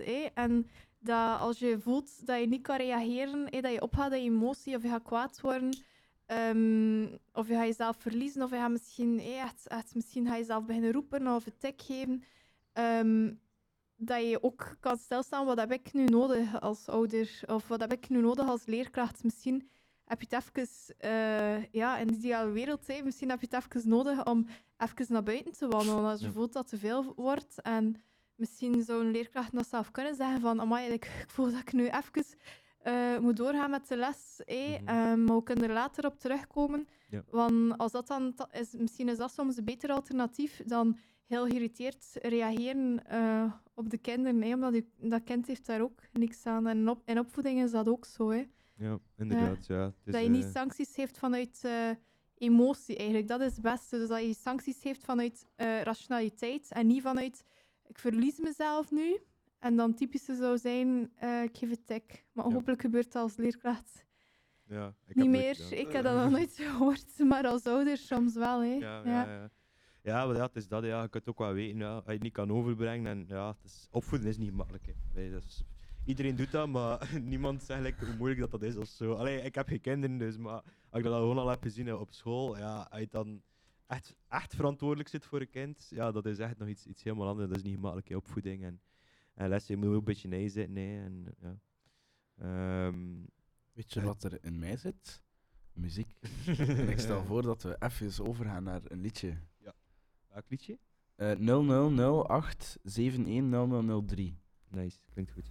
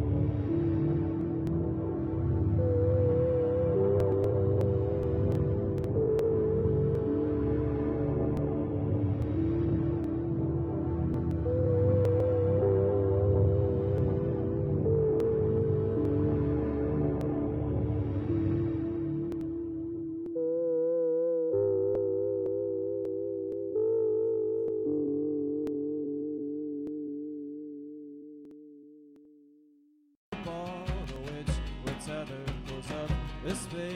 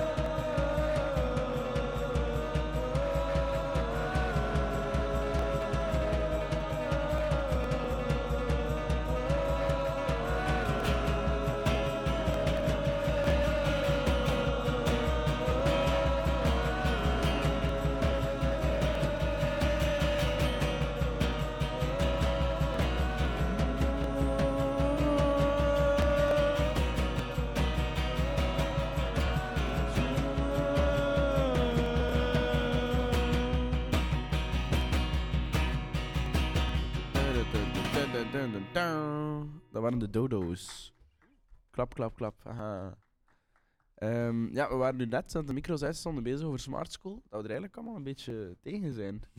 Ja. Ehm, en Esther haalde een heel interessant punt aan. Dat je vond dat dat een soort aandachtstoornis kan creëren, omdat je zoveel input krijgt. Ja, ehm, ja, ik heb er wel een uitgesproken mening eigenlijk over. Ik kom wel zelf uit de tijd dat Smart School. Ik denk dat dat zo ehm, ontstaan is ergens na het einde dat ik in secundair zat, maar dat werd helemaal nog niet zo hard gebruikt. Dus eh, ik herinner mij niet dat ik eh, daar veel op keek eigenlijk. dat was ook niet nodig. En dan, nu zie ik bij kinderen en jongeren, ehm, een beetje afhankelijk van in welke school dat ze zitten. Iedereen moet, daar wel op kijken, maar in sommige scholen, ehm, ja, en dan over de Brusselse-regio spreek ik, is het echt wel de bedoeling dat je twee keer op een dag je smart school bekijkt en gaan eh, kinderen of in het secundair dat jongeren s'avonds nog een bericht krijgen rond de taak dat ze moeten maken. Ja.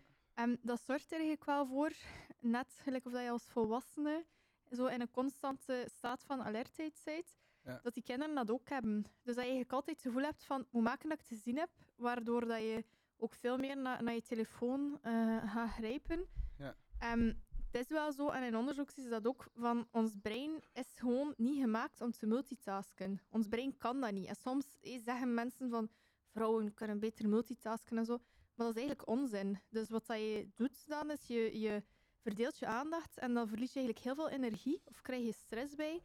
En tegelijkertijd vinden ze ook dat in onderzoek dat ehm, sinds het ontstaan van social media, smartphones en heel de ritmeteut rond, eh, ik wil ook niet lekker dinosaurus klinken, ik ben niet helemaal daartegen of zo.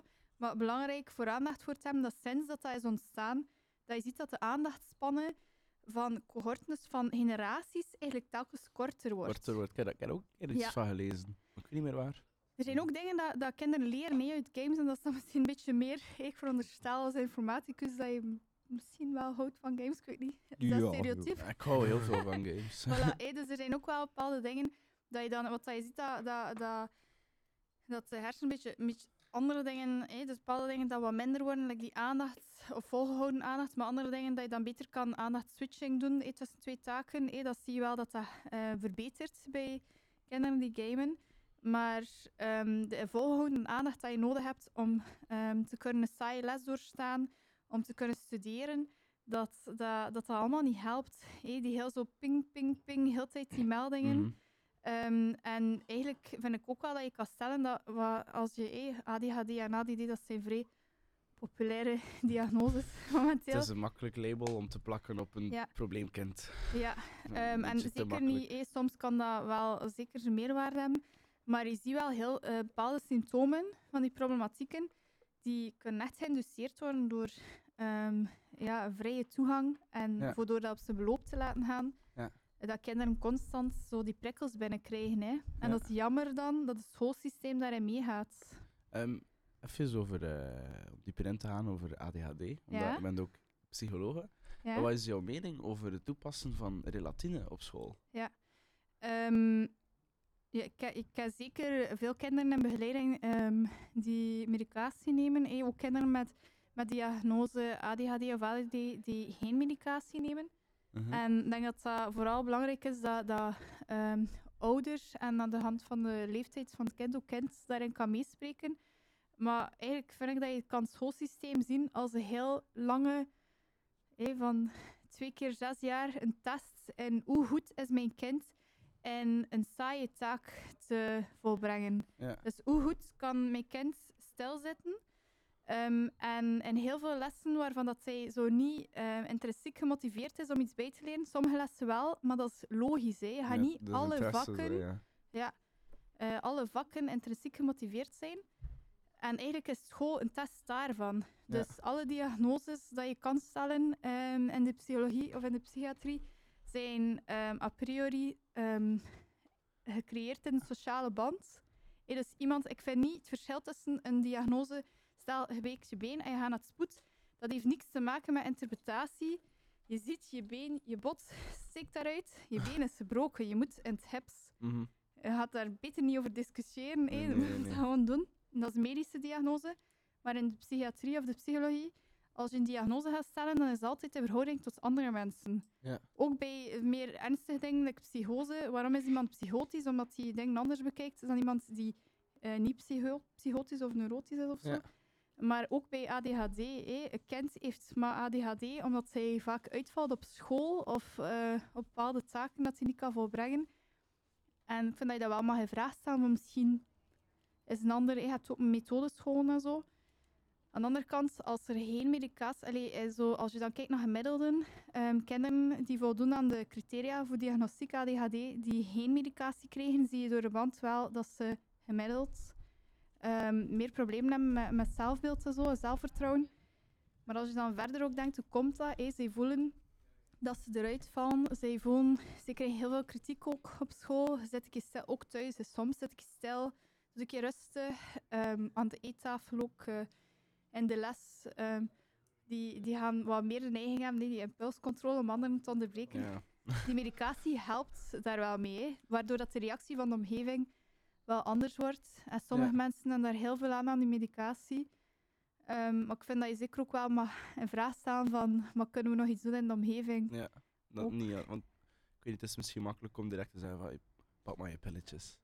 En dat is ook pijnlijk, hè? dat, is, dat is pijnlijk, ja. Pak maar, pak maar je, je pilletjes om Of, ja, dan- minder ambetant te. Zo, wa- wa- wat is ook een stukje zo, wat, wat ga je onder problematiek staan en wat, wat is iemand gewoon zijn, zijn persoonlijkheid? Ja. Een beetje arbitrair onderscheid soms, ja, hè? ja, ja. Ja, zeker. in School is ook gewoon didactische, met- je didactische methode super belangrijk. Hè. Je hebt heel veel leerkrachten. En ik was er eigenlijk ook wel schuldig aan toen ik, toen ik werd als leerkracht. Dat dat heel vaak ja, direct instructie of onderwijs-leergesprek is. Iedereen zit aan zijn tafel en de leerkracht praat en, en ze luisteren en ze antwo- ze beantwoorden af en toe een keer een vraag. Dat is eigenlijk, ja, dat, dat, allee, dat kan. Kunt dat, je kan, je kan lessen zo doen, maar je kunt niet, niet een les zo doen. Hè. Natuurlijk Eh, je moet Het moet ook interessant bij- blijven. Ik denk ook dat dat zo'n beetje de structuur wat, wat een rol speelt. Also, het is nu zo heel hard, ah, jij bent leerkracht wiskunde, jij bent leerkracht fysica, jij bent leerkracht LO.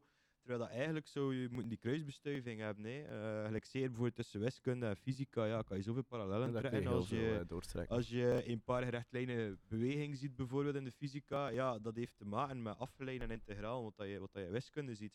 Dus dat, ja, dan kan je dat mega goed combineren. Gelijk bijvoorbeeld een vak dat ik vind dat super veel potentieel heeft, dat totaal niet wordt gebruikt, is LO. Eh, dat is echt een vak dat je met gelijk welk ander vak kan combineren. Om echt een heel verfrissende manier te hebben om je leerstof vooral te herhalen. Nieuwe dingen aanleren gaan misschien wat moeilijker zijn eh, in zo'n setting. Maar eh, Franse woordjes leren, ja, speelt de vloer is lava met, met flashcards die daar liggen. Laat ze dingen uitrekenen en zoveel balmoes in de basketbalding smijten. Ehm, ja, er is, er is zoveel om te doen. En zeker bij LO, want dat is zo... Zeker, LO, dat is zo'n vak, ja. Ik, ik sport op zich wel graag, maar ik ben totaal niet competitief. Dus dat was zo prestatiedruk. terwijl Ik, ik sportte wel graag, maar ik kon dat dan niet tegen. Als ik dan bijvoorbeeld, like, ik, ik weet nog dat ik een 100 meter sprint moest doen. En dat ik eh, na 25 meter zoiets had van, maar ik eigenlijk aan het doen? en dat ik gewoon ben beginnen joggen. Dat ik zoiets had van, moet ik, allee, laat me toch een beetje sporten, ja. En dan vind ik ook wel dat je dat, like, zeker LO, kan je met zoveel vakken combineren. En, en kan je zo op een verfrissende manier, kan je die gasten veel meer, eh, motivatie. Je kunt niet verwachten dat elk gastje eh, intrinsiek gemotiveerd is, je moet dat extern gaan doen. eh, om tot de intrinsieke motivatie te komen. door vaak de vraag waarom moeten we dat kennen, effectief te beantwoorden in plaats van Ja. te klagen van eh, ja, doe dat toch gewoon. Ehm, en, eh, en dat is ook bij dat systeem zo van, allee, ook alsof, alsof, dat, alsof dat onderwijs, alsof dat je zo kan pakketjes kennis kan samenstellen en kan geven aan de gasten. Dat is, dat is bullshit. Hè. Ja, je, is moet, je moet je bullshit. gasten leren leren, levenslang leren. Dat is iets waar dat ze ook heel hard op inzetten nu. Ja, je moet vooral die gasten leren leren. Hè. En niet op de manier van, ah, een samenvatting ziet er zo uit. En zo allemaal van die leuke weetjes van, hey, je, je brein neemt onbewust informatie op en zo allemaal van die weet, maar je ziet daar niks mee. Like, hoeveel leren leren lessen krijg je niet in middelbaar? Dat eigenlijk allemaal hetzelfde zijn en je Ja. echt niks aan. Dat is waar. En, en ja, zo, gelijk, gelijk, ik ga dan bijvoorbeeld wiskunde in een sterke wiskunde-richting. Ehm, ja, de oefening die je op examen krijgt, die gaat ze niet allemaal in de lessen zien. En de, niet alle soorten oefeningen gaan in die cursus staan. Het is de bedoeling dat je ook een beetje wiskunde inzicht kweekt. En dan, dan verwachten zij dat elke oefening dat je op toets of examen heeft, dat dat in die les aan bod is gekomen. Ja, dat, is, dat, is, dat, is, dat, is- ja, dat, dat gaat niet. Allee, dat gaat wel, maar dat is gewoon niet nuttig. Het is niet de bedoeling dat ze gewoon een beetje algoritmetjes uit hun hoofd leren. Hè. Ze moeten weten waarom dat je, dat je dat moet doen. Dat, dat vak over zijnde, dat vind ik wel een mega interessant idee. Ja. Wat je zegt, want dan al die kinderen ehm, die die diagnose ADHD misschien gekregen hebben, ehm, zouden dat misschien, ik weet niet, misschien niet gekregen hebben, moest het schoolaanbod wel op die manier Ja. eh, zijn. Want zij zouden wel kunnen eh, misschien hun aandacht houden als ze wat meer zouden mogen bewegen of als het wat interactiever is. En nu, als ik zo zelf terugkijk naar mijn schoolcarrière, ik vond dat ook best moeilijk om te plannen en organiseren. Ehm, en ik was wel oké, denk ik, niet super storen in de les. Ehm, maar achteraf besefte dan ook van, oh, moest dat wat anders gegeven zijn, dan zou, zou ik misschien wel wat meer Ja. in orde geweest zijn. En dat is jammer, hè, want je mist ook wel leerkansen eh, op die manier. Ja, zeker. hè, Ja. Op andere manieren dingen aanbrengen en, en, en ja, je Ja. leerstof herhalen. In plaats van dan allemaal in de studiezaal te gaan zitten en allemaal apart oefeningetjes te maken in stilte. Ja, dat, dat gaat ook hè, en dat moet je ook doen. Ehm, maar een keer naar buiten gaan en een spelletje. Allee, maar dat is allemaal meer werk als leerkracht natuurlijk. Hè. Leerkrachten en ook meer en meer werk. Administratief, de klassen worden groter. Ehm, ja, dat komt er ook. Ze hebben daar soms ook gewoon ja, geen tijd. Ja, je, er is altijd wat tijd, maar ja, je moet ook bij de goestingen en, en ja, ik wil ook niet verwachten dat ze, dat ze 50, 60 uur in de week zitten voor te bereiden en, en, en aan het doen zijn. Ehm, dus dat, is- dat vergt ook gewoon meer werk. En het is ook daarom dat, ja, dat je als school moet, moet over nadenken en, en, en die lessen meenemen en, en, en hey, met vakleerkrachten ehm, dat doen. En, en gewoon ja, andere methoden. Hè. Zo, gelijk, gelijk dat je bijvoorbeeld ook zei, methodeschool, ben ik ook echt fan van. Allee, methodeschool is een heel vage term. Wat is je methode natuurlijk, is, is heel belangrijk. Hè. Maar als je een goede me- methode hebt, like bijvoorbeeld hier in Brugge, hij zo stamina. Ja. eh, die hebben nog hier gezeten, hier, hier vlakbij, ergens, maar die zijn dan verhuisd. Stamina is zo wat meer... eh ze werken heel veel met, met laptops ook, Ja, digi- de digitale methode. Ja. Ja. Dus die zetten heel hard in op de digitale methode. En like, ik heb voor mijn thesis heb ik een leerkracht geïnterviewd dat, dat daar les geeft. Ja. En ik was eigenlijk echt wel overtuigd van wat dat zij vertelde. En, hoe dat zij dat deed. en zij zei eigenlijk dat bijvoorbeeld dat toen, corona begon, dat ze daar eigenlijk niet zoveel, niet zoveel probleem mee hadden. Dat ze, zij waren al veel digitaal bezig. Die lessen zijn eigenlijk, die gasten niet op de computer eh, oefening maken. Ehm, hoe dat, dat zo werkt, als ik het goed heb, is je hebt zo grote klassen, like echt zo 40, 50 gasten in de klas. Twee leerkrachten die eerst 10, 15 minuten uitleg geven. En dan kan je kiezen om al oefening te maken of nog wat extra uitleg te krijgen. En dan moet je oefening maken. En, en, en ja, dan doen ze bijvoorbeeld, elke oefening krijg je de score van 1 tot 3 van hoe moeilijk dat die is. En dan moet je op het einde van de les eh 10 punten aan oefening gemaakt. En dan kan je er 10 van 1 doen, of 3 van 3 en, en dan 1 van 1. Eh, en ook de toetsen kan je dan ook eh, gradaties kiezen, want ik ga voor de makkelijkste, de middel of de moeilijkste. En afhankelijk van waar dat je goed in zit, wat dat je interessant vindt, maar pak je een moeilijkere toets of een makkelijkere. En de leerkrachten proberen vooral de gasten te motiveren om, ga voor die moeilijke toets, dat. Ah, dat is wel interessant. Dat, eh, dat doet me denken aan, er bestaat zo'n theorie binnen ehm, de psychologie eh, over intrinsieke motivatie. Zoals zeggen van, doe je iets omdat je het zelf graag wil en doe je niet iets omdat je bijvoorbeeld extrinsiek zou zijn, dat je bijvoorbeeld meer je best doet op je werk omdat je dan ehm, een bonus krijgt. krijgt. Of als kind dat je eh, je broer niet slaat omdat je dan een snoepje krijgt of ik zeg maar iets. Ja. Eh, maar zo, het drie behoeftes en eh, autonomie, competentie en verbondenheid, wat hij nu zegt, wat dat die, die methodeschool deed, is echt wel inzetten op die autonomie, dat het kind zelf kan kiezen eh, op Ja. welke manier dat hij het leert. Dat is ja. super belangrijk. Toen dat ik bijvoorbeeld dan, dus toen ik begon eh, in dat trimester als leerkracht, stond ik eerst twee weken in de tweede graad. En eh, ja, zelf van die vierde jaar, je kon niet zeggen, vandaag maken we gewoon oefening. Dat ging Mhm. gewoon niet. Die kon niet zelfstandig oefening maken. En ik vond dat zo jammer, want dat is zo belangrijk dat je dat kan. En eigenlijk in, in, in, in de derde graad was dat ook niet altijd. ging dat ook niet altijd even goed bij, want ja, het begint dan een te praten. Eh de andere kan niet concentreren. Je denkt dan van ja, oké, ik ga dan maar ook maar beginnen praten. En, en uiteindelijk zijn je als leerkracht meer bezig met klasmanagement dan effectief je, leerling te helpen in de oefening. Dus dan, loop je als leerkracht ook heen en weer en zeg je, wat kan ze komen, ik ga eens daar zijn dat ze moeten zwijgen. En, en, en ah ja, wacht, die had eerst nog een vraag en dan is ze weer aan het praten. En, en dat is zo, eh, like, dan gelijk bijvoorbeeld stamina van het eerste jaar al gewoon echt inzet op elke les, of zo goed als elke les, zelfstandige oefeningen maken, ja, dan leren ze dat. En dan beginnen ze ook te snappen dat als zij lawaai maken, dat dat de rest stoort. En dat is echt iets dat, ik had al aan de unief, hè, ja, kijk, mensen in mijn klas, ik, ik, ging, ik ging zeer in het begin amper naar de, naar de, naar de oefeningenlessen, gewoon omdat er één, zo één of twee gasten in mijn, in mijn jaar zaten die gewoon zoveel lawaai maakten, maar zoveel lawaai maakten, dat je dat gewoon niet kon. En dan zat ik gewoon liever thuis en dan stuurde ik gewoon een mailtje als ik het niet snapte. Ja, Mhm. dat ging ook, maar ja, dat ging je natuurlijk, ja, het is natuurlijk beter om in de les te zitten, maar ja, ja, dat ging gewoon niet. Die maakten zoveel lawaai. En, en dat is ook van, van dat niet geleerd te krijgen, al van in het middelbaar, van in het lager, kun je dat Ja. al leren. Van, je moet dat voor niet echt les en er apart zetten en zo, maar allee, dat zijn zo van die skills dat je toch moet kunnen. En dat is Ja. nog heel jammer dat dat in een vierde jaar, in een vijfde jaar, dat dat eigenlijk niet ging. Ik vond dat heel jammer. Ja. Eh, ik weet dan ook dat, ja, dat er heel veel ligt dan aan je methode hè, dat je gebruikt. En didactische methoden, super belangrijk. Ja. Het wordt daar niet veel over nagedacht, maar eigenlijk is dat wel heel belangrijk om over na te denken. Hè. Over welke methoden dat je gebruikt, en zo, hoe actief zijn ze, hoe, hoe betrokken zijn ze. Ehm, dus ja, ja. En, en dan heb je inderdaad ook nog zo, dat inderdaad die smart school, wil ik ook nog wat over zeggen. Ehm, Terug naar smart school.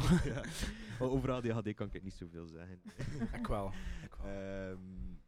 Ja, ik denk inderdaad ook dat Smart School, ik denk dat dat op zich wel eh, in theorie wel goed is en dat dat een gigantische meerwaarde kan bieden. Maar de twee grote problemen zijn één, dat leerkrachten daar niet altijd goed mee omgaan. Eigenlijk dat je zegt, eh, dat ze, dat ze, dat ze daar dingen opzetten over de taak, dat ze niet in de les zijn. Ik heb daarnet ook gezegd dat de microfoons afstonden. Eh, al wat dat je zegt als leerkracht, moet je in de les gezegd hebben. Mhm. Smart School is een geheugensteuntje. Als je dat hebt Ja. gezegd, zet dat nog een keer als een aankondiging, zodat je het kunt teruglezen. Ehm, maar je mag niet zeggen aan je leerling van zorg dat, ja, dat je mails checkt, want het kan zijn dat ik je een taak geef, dat, over, dat je een bericht stuurt voor een taak over, dat over twee dagen binnen moet of zo. Nee, nee, je moet Ja. je taak aankondigen in de les en dan pas op Smart School zetten. Nee, zo'n ding. Ook bij volwassenen. Hè. Eh, ik Ja. denk dat het recept voor een burn-out is hè, constant je mails checken. Mhm. Ja. En eigenlijk eh, creëer je dan kinderen die die gewoonte creëren. Maar wat gaat er dan gebeuren als die van de schoolbanken zijn en die gaan werken? Ehm, Ja, is toch niet wat je wil meegeven? Nee, inderdaad niet. En dan, eh dus ja, enerzijds dat en dat leerkrachten daar echt goed mee moeten omgaan. En anderzijds vind ik, vind ik dat ook, maar dat is dan meer de informaticus in mij, maar vind ik dat ook echt niet kunnen, dat dat echt ja, één bedrijf is dat al die data heeft. Dat, ja, dat vind ik echt niet kunnen. Ja. Eh, als Smart School gehackt wordt, en zijn de cijfers van ongeveer een leerling in Vlaanderen. Nee, dat is, dat is zot. Staat daar ook eh, informatie toch over... eh, Ja, leerlingen vol systeem. ja, Ja, ja. vol systeem, Ja. dat staat daar ook allemaal op. Hè. Dus die hebben echt alles van informatie dan. Hè. Dat, is, Ja. dat, is, dat is zot, hè. Dat is mega gevaarlijk. Ja. We hebben dat ook gezien in het begin van de lockdown. Hè. Hup, iedereen online les. Ah ja, servers Dat van was echt... Eh, down. de, de, de lockdownlessen waren echt chaos. Dat was echt... Ja. Ik weet nog dat mijn leerkracht zelf boos was op mij dat ik een les aan het volgen was in Villa Botta. Ah, ja. Op mijn laptop. Gewoon allee, met de camera, maar ik was niet thuis. En daarom heb ik een straf gekregen. Omdat ik Wow. niet thuis aan het volgen was. Ah, dat sukt. Ja. Ja. Maar dat ligt wel aan de leerkracht, denk ik, opnieuw. Ja. Nou ja, maar dat is ook... en Dat is zeker, ja, als je natuurlijk als school nooit hebt gemoderniseerd en nooit deftig hebt nagedacht over hoe kun je computers gebruiken, ja, dan kom je in de miserie als er zoiets Ja. gebeurt. En dat is dan bijvoorbeeld like dat, die, dat die leerkracht van Stamina dat zei, van, ja, dat viel eigenlijk wel goed mee bij ons. Dat is omdat ze al van in het begin, dat die, ja, die school bestaat vijf jaar of zo, hè. er is nog nooit iemand afgestudeerd, hè, ja, de eerste generatie. Gaat volgend jaar afstuderen, pees ik bij hun. Ja. Maar die, an- die, die, die wisten hoe dat ze dat moesten doen, hè. en die konden... Mhm. eh, wat is dat nu? dat- Ik kan ook zo les gegeven, hè, dat ik dan les gaf en dat dan mijn computer stond op zijn bank. Maar ja, wat dan die leerling daaraan? Ja, toch niks. Ik bedoel, ja, en dan stellen ze vragen, maar ja, dan moet je nog een keer laptop in de gaten houden. Er komen ook vragen uit de klas. Eh, je wilt dan afronden en dan zie je dat er nog drie vragen in de chat zijn. En dan moet je Ja. even focussen op de computer. Maar ja, de leerling begint dan te praten. En ga zo zeggen, dat is, dat is soms een merde. Ehm, dat je dan eigenlijk ja, veel meer moet inzetten op autonome didactische methoden, waarin de leerling zelf aan de slag gaan, gewoon een paar instructies krijgen en gewoon alles zelf doen en, en elkaar helpen. Nee, dat moet ook mee hard op. Dat, dat probeer ik ook wel. Like in oefeninglessen mogen zij ook altijd samenwerken van mij, maar ze moeten wel stil houden natuurlijk. Ja. En hoe, hoe was de... eh, omdat je daar nu over vertelt, ik hoor dat je wel echt positief bent over die school. Hoe was zo de visie of... Werden er soms eh, straffen of sancties Eh, toegepast? waar ik heb gewerkt? Of? Eh, stamina, ja. Ja, ja. ja, waarschijnlijk, ja, ken, ja, waarschijnlijk wel. Ehm, ik ken het ook niet super goed hoor. Eh, ik, zei, ik, heb een leer, ik heb een leerkracht daarvan geïnterviewd. Ik, eh, ik ken iemand die daar zit in het vijfde. En iemand uit de lerarenopleiding dat ik ken, heeft daar ook les. Ehm, dus ik ken zo'n beetje in de filosofie. Ja, ik veronderstel zij wel sancties doen, maar dat is anders ook. hè, want zij hebben daar ook zo... ehm, elke leerling is zo'n coach. Dus elke leerkracht is zo'n Ja. coach van verschillende leerlingen. En elke week zit je samen. En dan gaat dat over ja, ook zo vragen als hoe is thuis, alles goed thuis, maar ook dingen als ja, oké, hé, oei, gaat het met dat vak, wat, wat gaat er minder? Eh begin plan, oké, er komt de toets aan, dan ga je 1, 2 of 3 pakken. En ik denk dat je dan ook gewoon veel preventiever kan gaan, kan gaan werken en dat je gewoon voordat er effectief probleemgedrag komt, eigenlijk dat al de kiem in kan smoren door gewoon Mhm. bij, bij de kleinste tekenen al een beetje te zeggen van oeh, let daarmee op. Als een beetje bijsturen en zo, waar dat, dat gewoon niet gaat in, in een klassetting, ja, dan, zit je dan met 20. Ja, kun je een leerling apart, eh, terwijl, dat, terwijl dat eigenlijk wel verdienen, dat dat eigenlijk wel de beste manier is om, om elke leerling heel individueel te kunnen begeleiden. Hè, want ja, we hebben nog gehad over Einstein, maar een van de belangrijke, een van de meest bekende quotes, ik weet niet of dat effectieve quote is van hem, dat hij zegt van eh, mag een vis niet beoordelen op hoe goed dat hij is in een boomklim. Ja, ik ken die quote. Ja, ja, ja, ja, maar dat is, dat is waar. Hè. Ik bedoel, al die Ja. leerlingen hebben wel iets van talent. Het is aan de leerkracht om dat eruit te halen. Hè. En ja, zitten ze dan in een sterke wiskunde-richting, maar zijn ze toch niet zo sterk in wiskunde? Mhm. Het is wel joh, als leerkracht te zeggen, maar kijk, ja, ik vind dat hij sociaal heel goed zit. Ik vind dat hij heel, heel, bijvoorbeeld, ja, ik had bijvoorbeeld zo'n meisje in mijn klas dat eigenlijk ja, niet zo super sterk was in wiskunde, maar die was heel volwassen voor haar leeftijd. Die kon echt eh, en andere mensen betrekken en andere mensen helpen. En dat ik ook zeg van, ja, dat is echt, hij is er echt gewoon goed in. Voor jouw leeftijd is hij daar gewoon echt goed in. En Mhm. dat zijn ook talenten dat we kunnen gebruiken. Meer en meer, zeker met burn-outs en zo, is dat wel goed dat we ook mensen zijn die sociaal een beetje capabel zijn. Ja, Ehm, ja. En ehm, Helemaal voorstander van, ja, natuurlijk. inderdaad. Het is 8 voor 2. We zijn bijna twee uur bezig. Ehm, ik stel voor dat we ja, afronden. We gaan een jingletje doen en nog wat muziek. Bedankt Esther. Bedankt Michiel. Graag gedaan. Graag gedaan. Voor eh, de babbel en de heel interessante dialoog. Ja, ja. Ik heb wel wat bijgeleerd over Ik school. ook, ja. Het heeft veel vragen beantwoord uit mijn woelig verleden. dus dank u wel. Ehm, dag. Ella, let een keer een beetje op. Ah, oei, sorry. Luister vandaag heel de dag naar Erfgoed Radio vanuit het Kantcentrum. Deze radioshow is in samenwerking met Villa Botta en Erfgoed Zelberg. Langskomen kan in het Kantcentrum of luister en kijk live via villabotta.be of 106.4 FM.